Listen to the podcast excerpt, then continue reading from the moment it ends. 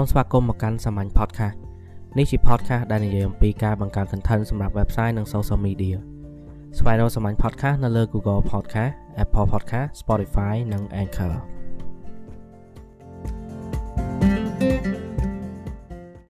នៅក្នុងអេពីសូតនេះខ្ញុំនឹងលើកជាគំនិតមួយ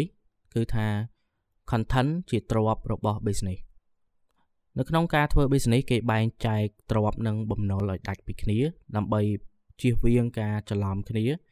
ធ្វើឲ្យ business នឹងមានភាពរអាក់រអួលឬក៏បរាជ័យ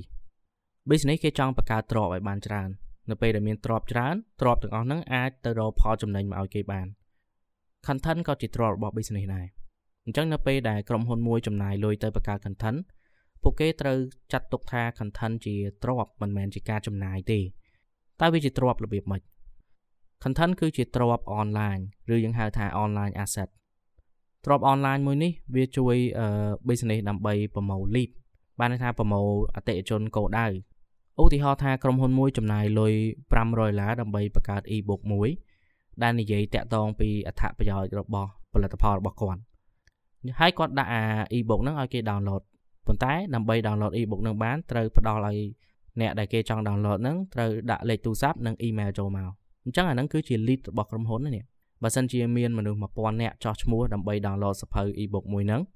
ក្រុមហ៊ុនទទួលបានអតិថិជនគោលដៅ1000នាក់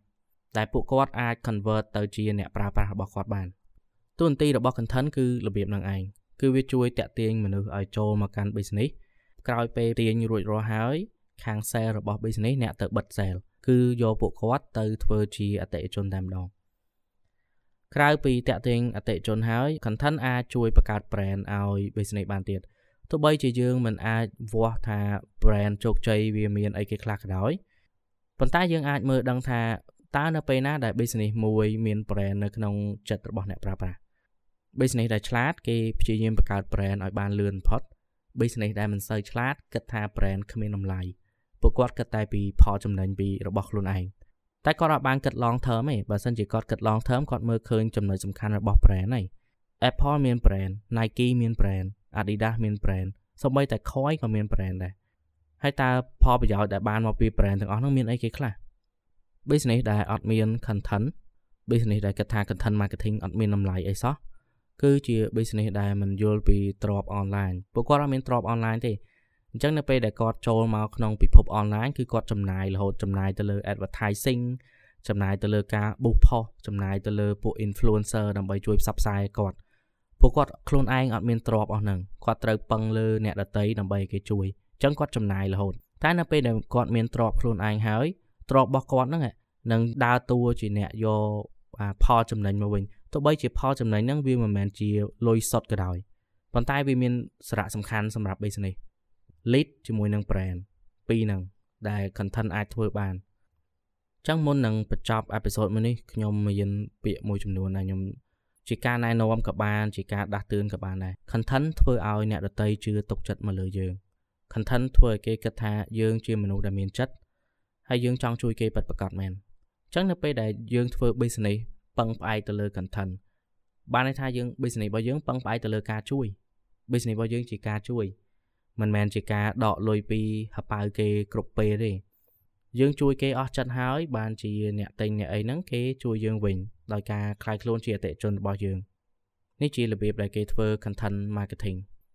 ហើយសម្រាប់ខ្ញុំ content marketing គឺស្មោះត្រង់មែនតើបង្ហាញអ្វីដែលខ្លួនចេះទៅឲ្យអ្នកដទៃដឹងហើយបន្ទាប់មករងចាំឲ្យអ្នកដទៃជួលយើងឬក៏ទិញផលិតផលរបស់យើងវាស្មោះត្រង់នៅក្នុង business វាខុសពី marketing ផ្សេងៗទៀតដែលមានលាក់អីបន្តិចបន្តួចដើម្បីបោកលុយរបស់អ្នកប្រើប្រាស់ អញ្ចឹងបើសិនជាអ្នកទាំងអស់គ្នាគិតថាខ្លួនឯងធ្វើ business ដោយមានភាពស្មោះត្រង់គួរតែធ្វើ content marketing ទៅសាកល្បង content marketing មួយឆ្នាំឬពីរឆ្នាំ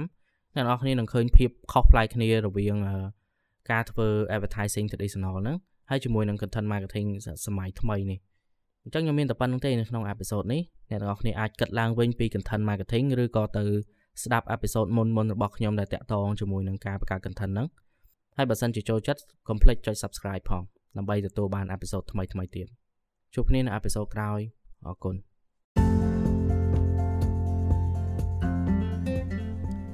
podcast នេះជាផ្នែកមួយនៃសាមញ្ញសេវាកម្មបង្កើត content សម្រាប់ website និង social media សាមញ្ញនឹងជួយផ្ដល់អត្ថប្រយោជន៍ដល់អតិថិជនរបស់លោកអ្នកដោយប្រើប្រាស់ content marketing ស្វែងយល់បន្ថែមពីសាមញ្ញនៅលើទំព័រ Facebook សាមញ្ញដែលសរសេរជាភាសាខ្មែរ